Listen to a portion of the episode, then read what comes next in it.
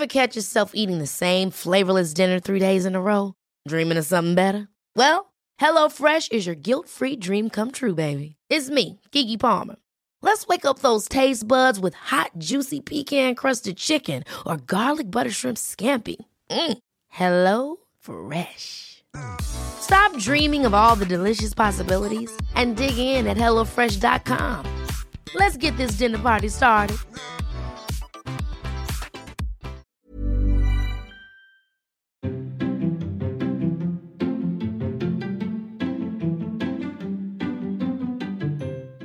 Välkomna ska ni vara till ett nytt avsnitt av Parkinson-podden.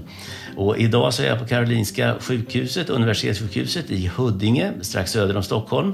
Och här finns Arja Höglund som är Parkinson-sjuksköterska och som 2020 doktorerade på dagsömnighet hos Parkinson-sjuka. Tack så mycket för att jag fick komma hit Arja. Mm, tack för inbjudan. Det var ju inte helt enkelt att hitta hit, eh, måste jag. Jag åkte ju runt på Google Maps och försökte hitta gatan, men det var en gata inne i sjukhuset. Ja, och så är det här på Huddinge så att det är inte så lätt att hitta till oss. Men till slut hittade vi varandra. Ja, det gjorde vi och det är stort. Hur många, det är en kilometer nästan eh, korridorer här, i, bara där vi sitter nu. Ja, det är det ju. Det är det ju. Om man liksom går från ena änden till den andra änden av sjukhuset så är det kanske närmare en kilometer. Ja, har du stegräknare så du vet hur mycket du går varje dag? Jo, det har jag, men eh, tyvärr sitter jag alldeles för mycket. Okej. Okay. ja, utan du får gå ut och leta efter folk som inte hittar hit. Ja. Ja, så är det. Du doktorerade på dagsömnighet för Parkinson-sjuka. Hur kommer man på den idén? Ja, det är ju så att jag har jobbat som Parkinson-sjuksköterska ett antal år. Jag började här på Huddinge, det var 97. Jag startade den här mottagningen. Mm. Eh, och eh, sedan har jag sedan tidigare var jag väldigt intresserad av sömn. Eh, och eh, vår första tanke är ju att vi skulle titta på sömn vid Parkinson. Men det var det är ett stort ämne och eh, när man skriver en avhandling så är det att man måste liksom begränsa sig. Mm. Så att då kom vi tänka på att det finns ett fenomen vid Parkinson som är dagsömnighet. Och det är inte så att det är exklusivt eller på något vis bara för Parkinson utan det finns normalbefolkningen med. Men det är mer vanligt hos Parkinsonsjuka än hos normalbefolkningen. Hur skulle du definiera dagsömnighet? Vad är det för någonting?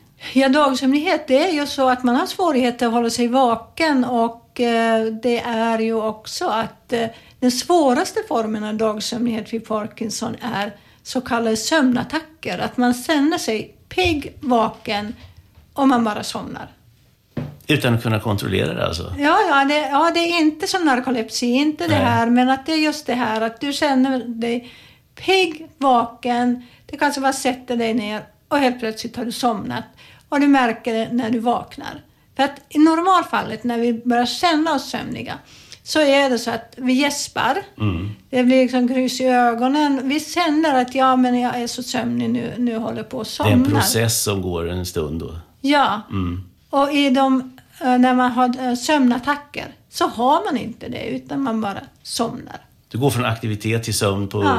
några sekunder i princip? Ja, det kan vara att, eh, och det kan vara att under pågående aktivitet, som det inte normalfallet är, men det är personer som har med Parkinson som har beskrivit det här. Ja, men eh, jag kan ha somnat med kaffekoppen i handen.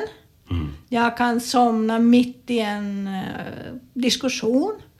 Jag kanske är på ett möte eller just det här under pågående aktivitet. Inte när jag går, eh, men just det här. Jag sitter framför eh, datorn, skriver och jag bara har somnat tappa boken i ansiktet eller telefonen om du ligger i ja. sängen och läser eller på soffan. Ja, just det här. Men just det här att jag har...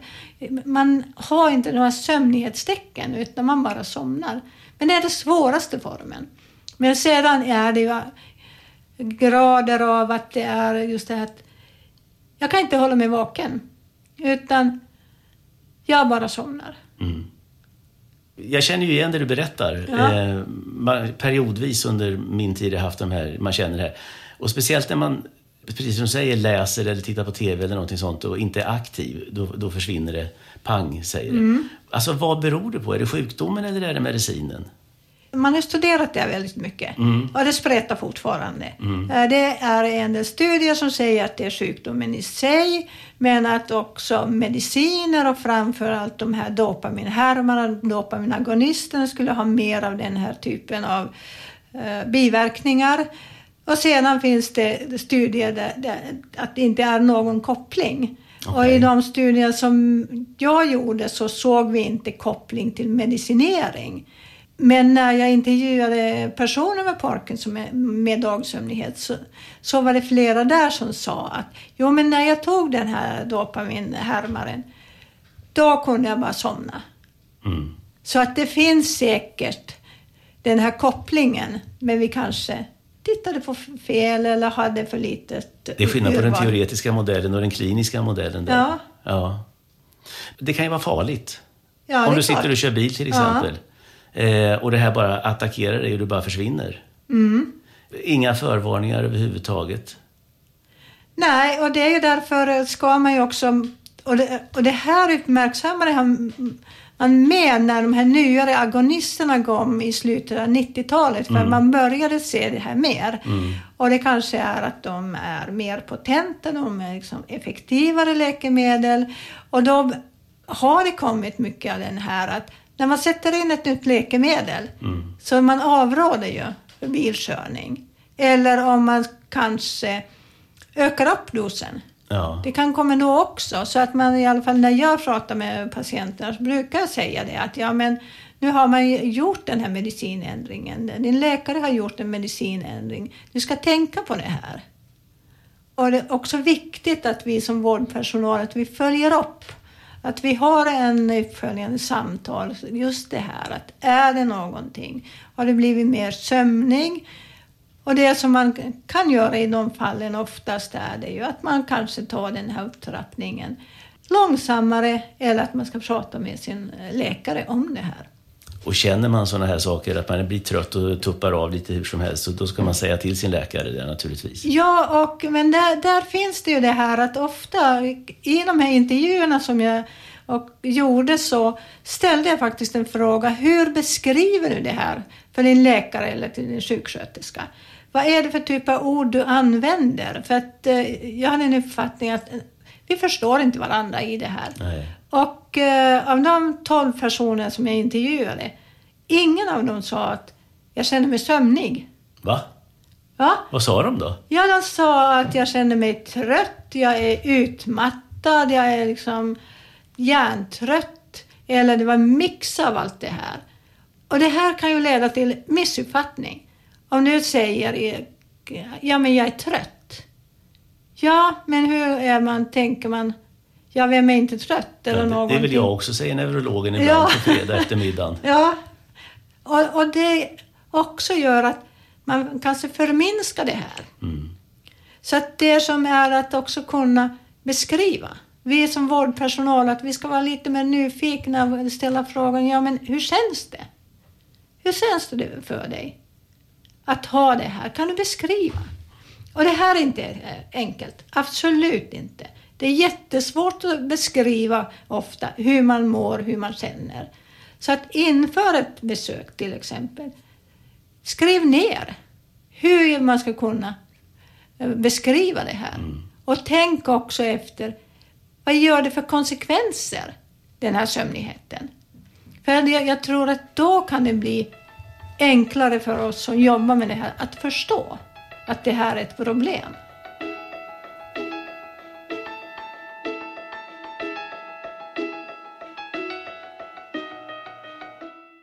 Just det där med att försöka förstå att det är ett problem, det här med eh, att det såklart är ett problem, det påverkar förmodligen det dagliga livet för väldigt många. Av de du intervjuade, hur, hur skulle du säga att de påverkades generellt utav eh, den här dagsömnigheten? Ja, men det var ju till exempel att, eh, som flera sa, att man tappade kontrollen. Och det var ju, det är ju läskigt. På sig, själv- över sig själv? Ja, liksom. man tycker att ja, men jag vet inte vad som händer när jag somnade. Det kan också vara den här lite mer skamkänslan av att eh, om det var mitt i ett samtal, ett möte Och då försöker man dölja det här för att då tänkte man att jag, jag är ointresserad av det här. Det är därför jag somnar. Eh, det är men, lite oartigt att somna inför, under ett möte med en människa. Ja, det är klart att det är det. Ja.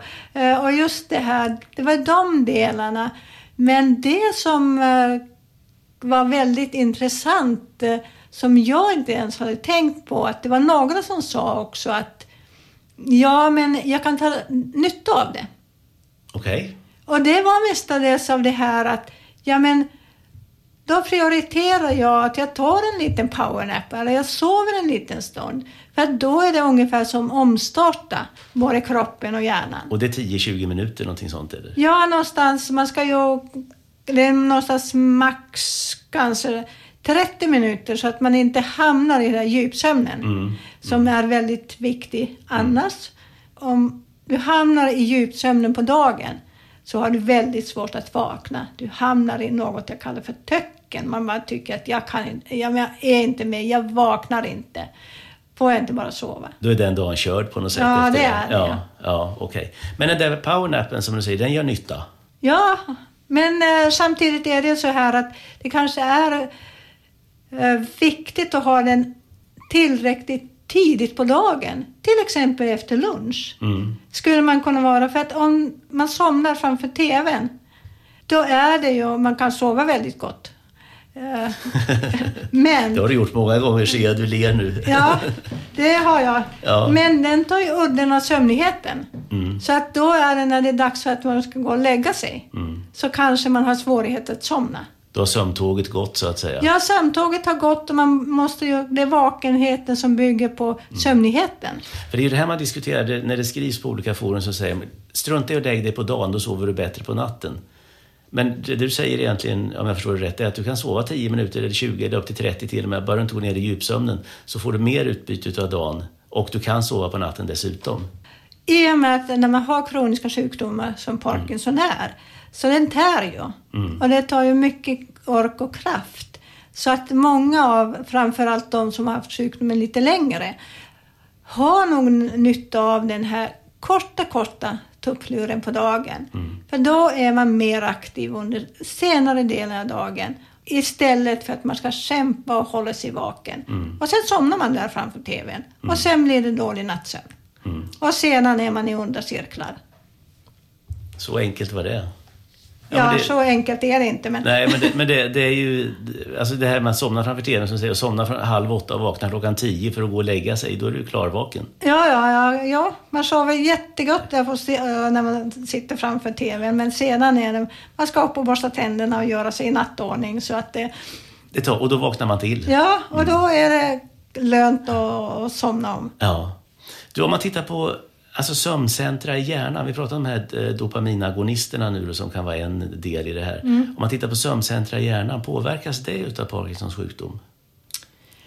Ja, det sägs ju att eh, Parkinson påverkar de områden i hjärnan som styr vår sömn och vakenhet. Vi har egentligen inte något eh, enskilt sömncentra i hjärnan utan det är olika delar av hjärnan som liksom är involverat i sömn och vakenhet. Mm.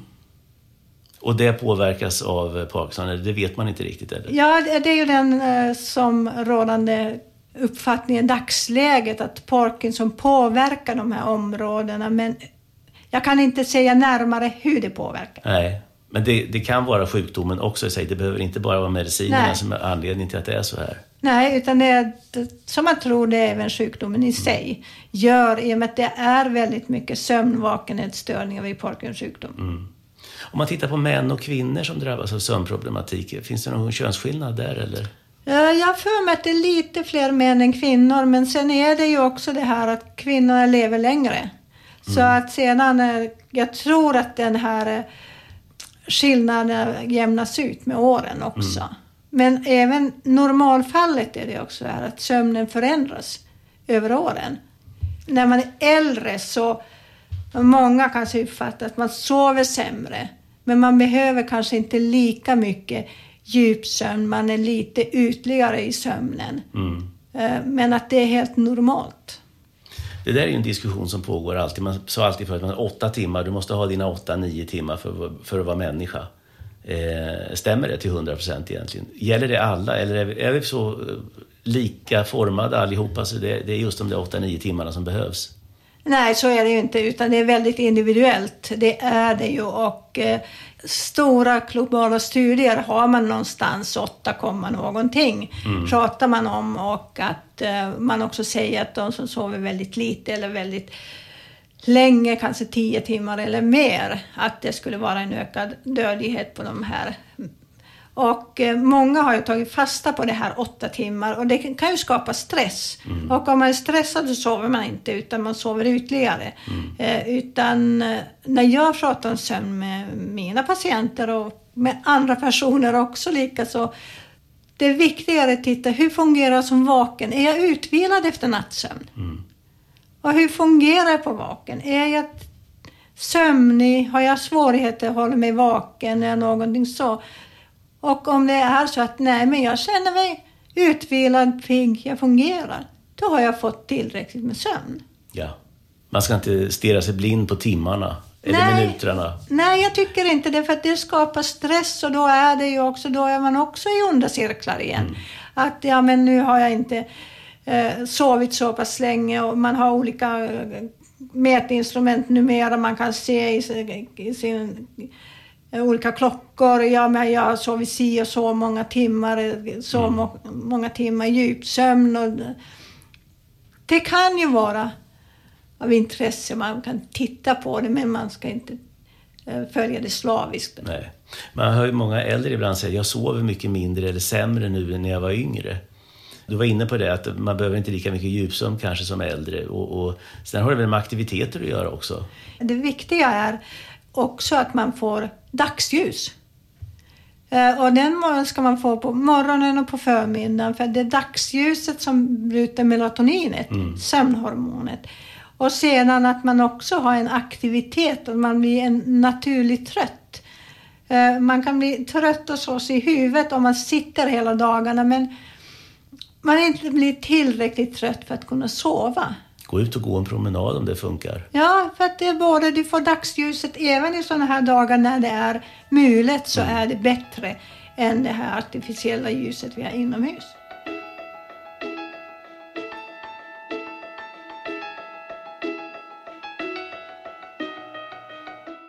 Så är det. Sitter man inne hela dagarna så blir man degig i huvudet och det gör man ju faktiskt också. Vi pratade om det här med den här dagsömnigheten, att man du kan ju sitta inne då som sagt och vara jättetrött, men så går du ut eller aktiverar dig eh, intellektuellt, lyssnar på någonting eller tittar på någonting eller rör på dig fysiskt. Det påverkar naturligtvis även eh, i det här läget, är det inte så? Ja, men det gör det ja. För att som sagt, det är lite av det här att eh, när man bara sitter så är det väl att hjärnan kanske bara... Det är monotont. Mm. Och hjärnan behöver också ha en aktivitet. Det gör det även om man inte har Parkinson? Ja, ja, hos alla. Ja. Absolut. Och just det här, och då är det ju precis som du säger att när man tar sig i gragen och går ut mm. och det, man tar den här promenaden eller vad man än gör så är det oftast att man känner sig piggare efteråt. Vad finns det man kan göra? Har du några undertips där? Vad man kan göra för någonting för att hålla sig igång liksom, så inte sega till? Ja, men det är den här eh, som man pratar väldigt mycket om, den här dagliga aktiviteten. Mm. Och det är ju också att jag kan förstå, nu är det mörkt, eh, vi går mot vinter, det börjar bli halt och så. Men i den mån att kunna få dagsljus och någon typ av aktivitet. Mm. Men sedan är med aktivitet är det att man måste ju hitta balansen. Att man inte tröttar ut sig allt för mm. mycket. Och ibland är det så att man kanske behöver hjälp av en fysioterapeut eller någon som att hitta den här balansen. Framförallt om man är, har till exempel fatig, så man är mer uttröttbarhet och mm. så. Så att det som vi också såg i de här intervjuerna är det ju att många personerna sa att när jag var aktiv, jag var igång hela dagen, då var jag inte sömnig. Men så fort de satte sig så somnade de. Mm. Så att där är det kanske att man inte hade aktiviteten i balans. Mm. Kan det ha energin att göra också? För många känner sig dränerade på energi som ja. har Parkinson. Eh, där, Motorn stannar så att säga. Ja, och där är det också väldigt viktigt att man kanske måste titta på hela dygnet och hela dagen. Vad gör jag på dagarna? Mm. Är det så här att jag har tillräckligt med energi, mm. att det räcker? Och, att, eh, och det är ju livsstilsförändringar som behövs säkert. Det blir en ny identitet nästan för många. Ja. Mm. Och vi alla vet att det är ju svårt med livsstilsförändringar. Mm. Men att just det här att eh, man kanske ska ha en dagbok eller någonting. Eh, ja, men nu när jag gjorde det här, jag var ute, hur kände jag sedan?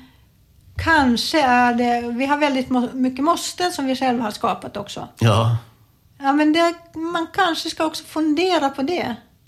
Är de nödvändiga alla Ja. måsten? Ja, och här är det samma med om jag inte har Parkinson. Utan det är just det här att, ja men behöver jag verkligen göra allt det här? Ska jag trötta ut mig på grund av det här? Är det någonting annat? Vad är livsglädjen i livet? Mm. Då kommer du in på det här med inställning lite grann också. Ja, Eh, jag brukar tjata om det att inställning betyder rätt mycket eh, för hur man tar saker och ting. Eh, vi pratar om det, att man tar på sig offerrollen eller inte. Och, och jag vet att jag sticker ut näsan när jag säger de här sakerna. Det är en del som tycker att, att jag gör det i alla fall. Men, men jag gör det därför att jag hävdar med en dåres envishet att, att man har ett ansvar för sitt eget liv så länge man funkar hyfsat. Eh, och då kan man, alla kan alltid göra något. Man behöver bara den där kicken, i sparken i rumpan så man kommer ut. Är jag elak eller vad säger du när man säger sådana saker? Nej, men eh, jag tycker du har helt rätt. För att det är ju, egenvården är ju så pass viktig i det här. Och just det här hur man tar saker och ting. Och det här är det ju vilken personlighet man är. Mm, mm, Den är det ju också. Men jag tror att, eh, att man måste ha en ja, egenvårdaktivitet. Och just det här, ja men vad kan jag själv göra för att den här situationen blir bättre? Att, och lära sig hantera och acceptans. Och göra något som man tycker är kul och lite lustfyllt. Ja, just det här. Och det, då är vi inne på måsten också. Ja, att, ja, men vad är glädjeämnen i livet? Nu har jag den här sjukdomen. Och som det ser ut just nu, den kommer jag ha resten av livet. Men vad kan jag göra för att jag ändå ska ha en god livskvalitet? Jag gillar att du säger som det ser ut just nu. Det tycker jag är jättebra. För det, fin- det finns ett ljus vid horisonten, det händer mycket saker för tillfället. Ja. Den här tröttheten, dagissömnigheten som man har, den är svårt att sova bort. Liksom. Den, Ja. den dyker upp. Eh, är det farligt att inte sova? Vad händer med kroppen? Ja, vi vet alla om vi har sovit dåligt hur vi mår. Det blir, man har inte samma tolerans, man har, får sämre minne och eh, det kan påverka olika fysiologiska processer i kroppen, påverka blodtrycket, blodsockret bland annat. Eh, och eh, farligt, det är klart att det är en ökad risk. Men samtidigt är det farligt att inte sova under en natt. Nej, det är inte farligt. Och för att där är det också så att vi bygger på den här sömnigheten. Eh, och eh, för många gånger kanske vi sover mer än vad vi tror. Eh, För att när man har gjort studier och när man frågar folk så är det att vi rapporterar mer att jag sover så dåligt. Men man kanske har sovit väldigt ytligt och då kan det vara så att vi egentligen inte har en uppfattning av att vi har sovit. Just det. Eller vi vaknar ofta. Och där är det också det här dagdygnsfunktionen, att man måste titta på hur fungerar på dagen. Och eh, vi vet ju alla om vi vaknar klockan tre på morgonen. Man kan ta det två olika sätt. Jaha, jag har fortfarande eh, si och så många timmar kvar. Vad skönt. Eller, nej, nu är jag vaken, nu kan jag inte somna om. Och då blir man irriterad och då blir man mer och mer vaken. Då blir det ju inte alls lätt att somna. Nej, och sedan är det just det här att många berättar om det här att ja, men jag har sov, vaknat, klarvaken klockan tre på morgonen. Då brukar jag eh, fråga, men vad vaknar du av? Det kan vara jättesvårt att veta. Är det att jag är stel om man har Parkinson? Är jag orolig? Eller är det en vana? Mm. kan vara också en vana och många säger, ja men jag gör någonting. Man kanske påbörjar en aktivitet. Eller behöver gå på toa. Jag behöver gå på toa, det är ju väldigt vanligt, men många kan ju somna om. Men om man påbörjar olika aktiviteter, då uppfattar hjärnan, ja men nu, ja men nu är jag vaken. Ja, många säger ju att hjärnan går igång Ja, när man vaknar till. Ja, men det gör det också. Ja. Och du funderar och hjälp, har fyra timmar kvar, sen, sen ska jag jätte, jag ska göra det och det och det och det och det på dagen. Hur ska jag orka det? Ja, och det, där är det ju egentligen är det ju svårt för att då är man ju igång. Och för att komma ner i, varva ner och kunna somna igen, det kan vara svårt. Men det, det är inte farligt. Men om man har långvariga sömnproblem så ska man ju ta det med sin läkare. Mm. Mm. Och kanske hitta en, men den kanske, den kanske personen behöver en lur på dagen. För att kompensera lite. Definitivt. Vad är det, vad är det, var det någonting som överraskade dig när du gjorde din eh, forskning här, din studie, doktorsavhandling? Jag följde 30 stycken personer som var i, i arbetsför ålder när jag började. Och Varje år eh, och tittade på olika typer av sömnstörningar, eh, symptomutveckling, både motoriska, icke-motoriska eh, symptom och, och behandlingen. För att vi sa, ja men vad händer med dagsömnigheten? För att det står ju beskrivet att den förvärras över tid. Mm. Vi kunde inte se det. Nej, Nej, utan det den var konstant. Nej, det var inte konstant. Det var väldigt få av de här. Visserligen tappade jag bort en del personer på vägen så jag hade 17 stycken efter 10 år. Eh, Men det var väldigt få som skattade för dagsömnighet för varje år. Utan det kunde vara att eh, personer som hade det i början så försvann den. Eller några andra eh, fick det under eh, studiens gång. Okej.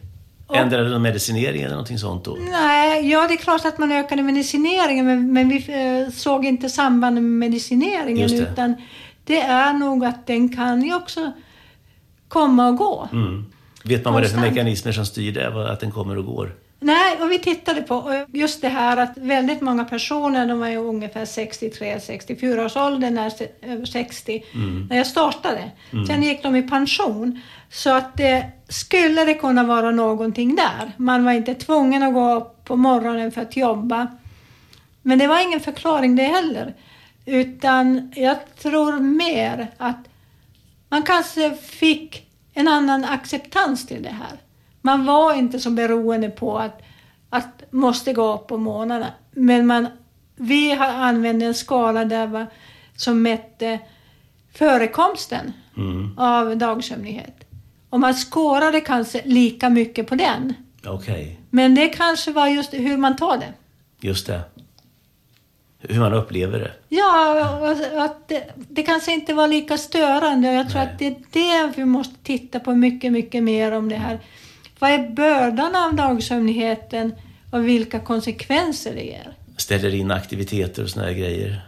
Ja, det kan vara någonting sånt eller vad är, vad är den liksom leder till? För de studier som är gjorda tittar på mer förekomst. Men inte vad det leder till. Just det. En hypotetisk tanke då, om du har två stycken som är exakt lika trötta, eh, dagsömnighet, och den ena, och så har de, samma, har de en aktivitet, de ska iväg och träffa folk och, och spela tennis eller eh, vad de nu ska göra för någonting. Den ena sticker och den andra sticker inte. Den ena tycker, jag piggnar till om jag åker dit och den andra vill inte åka dit för att, eh, nej jag går och lägger mig istället, jag struntar i det här, det funkar ändå inte. Nej. Hur, hur hjälper man den som inte åker? Ja, det, det är ju frågan om motivation men också är det ju som kanske en personlighet. Det kan ju också vara den här att man kanske är rädd att eh, man kanske tappar kontrollen. Det kan också vara så här, ja men tänk om man blir ännu tröttare. Om man begränsar sig. Man vågar inte ta det här steget. Mm. Och på något vis skulle man kunna tänka ja men om du bara följer med och tittar eller gör någonting. Och, och, och det skulle ju kunna leda till att man kommer över den här rädslan. Att ja men det funkar ju. Ja, Men vi har nog väldigt mycket föreställningar om vad vi tror att kommer att hända. det var någon som sa det, mitt liv har varit fullt av katastrofer varav några stycken har hänt. Ja, Eller hur? Ja, men jag tror också att vi är mer fortfarande den här grottmänniskan där Ja. man var tvungen att tänka på. Sabeltandade tigern. Ja, Mm. och just det här att... Och hjärnan är säkert väldigt mycket fortfarande där. Så att vi har ju den här liksom i oss att, att katastroferna. Hänger ångest och, och depression ihop med eh, dagsömnighet på något sätt? Eh, där såg vi en viss svag koppling, att det skulle kunna vara det. Mm. Eh, och, eh, men vilket är det ena som ger det andra och hur de samverkar, det vet vi däremot inte. Hur reagerar dagsömniga på ett vad heter det, SSRI-preparat, ett eh, antidepressivt preparat till exempel? Vi kunde inte se något, något samband där så att... eh, Man blev inte piggare? Ja, inte i alla fall. eh, För att det är ju många som har det, som har Mm. Parkinson. Och det är ju oftast också för att få en bättre sömn, för Ja. man blir ju lite tröttare. Mm. Så att, eh, men man kunde inte se att det som egentligen skulle kunna förklara att man blir dagsömnig också. Nej. Dyker det upp vid samma tid? Eller var du sjuk lika länge? Eller dyker det upp efter tre år, fyra år eller efter ett år? Nej, det är väldigt individuellt. Det är ju från de som också beskrev det att ja, men det kom i samband med när jag fick Parkinsons sjukdom. Mm. Några andra säger nej, då var det inte det, men den kom senare. Så det, är, det finns ingenting att, eh, att det ska vara kopplad till vissa symptom. Eventuellt kopplad med de här stelheten, symptomen som är mer eh, upp till och eh, balans kunde vi se. Eh, men nej, det kan man inte säga att eh, bara för att du får Parkinson så leder det till det här. Nej. Och sammanfattningsvis då, eh, sen när man ska gå till sin läkare och det är ju där det är så, nu har vi pratat en halvtimme drygt du och jag här och, och försöker förstå vad det handlar om och då kan man ju föreställa sig, eller inte alls kanske, hur det är för en patient att förklara det här för sin läkare. Ja, men det är svårt. Nu slutar vi där vi började ungefär. Ja, och det, ja, jag förstår att det är... Och någonstans eh, måste vi också vi som vårdpersonal kanske kunna ge lite mer. Men skulle du kunna beskriva det? Känns det som att du är eh, utmattad? Ja, men hur är det? Kan du tänka klart eller påverkar det det? Och, och lite...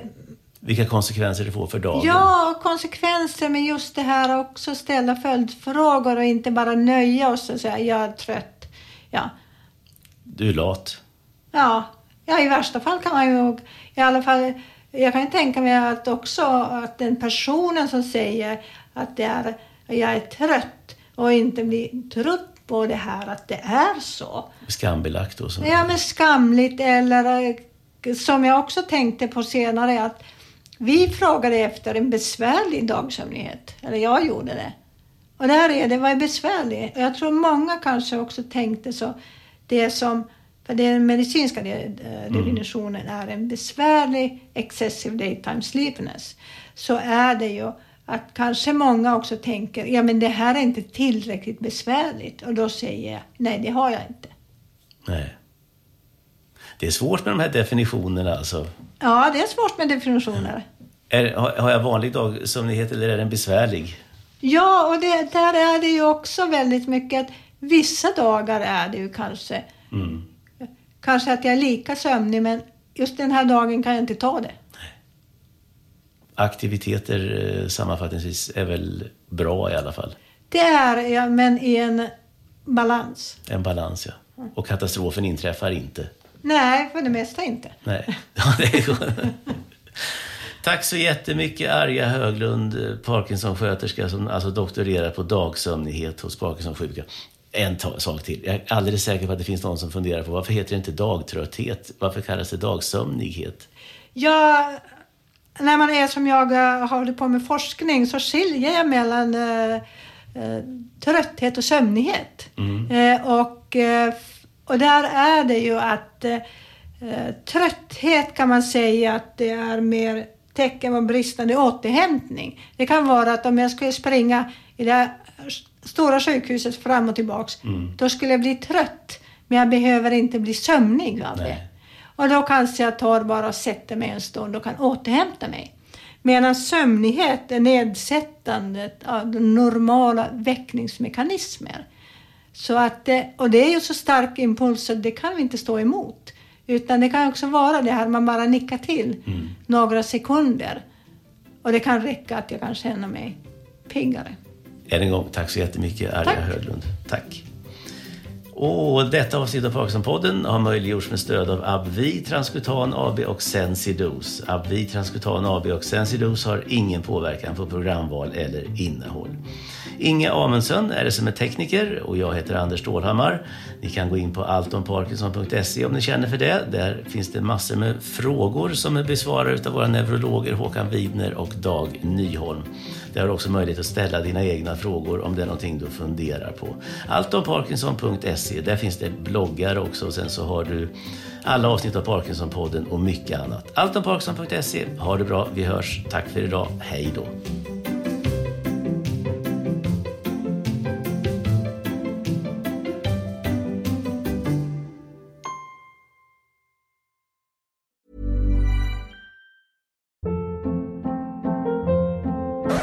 Hold up. What was that? Boring. No flavor. That was as bad as those leftovers you ate all week. Kiki Palmer here, and it's time to say hello to something fresh and guilt-free. Hello Fresh. Jazz up dinner with pecan-crusted chicken or garlic butter shrimp scampi. Now that's music to my mouth. Hello Fresh. Let's get this dinner party started. Discover all the delicious possibilities at hellofresh.com.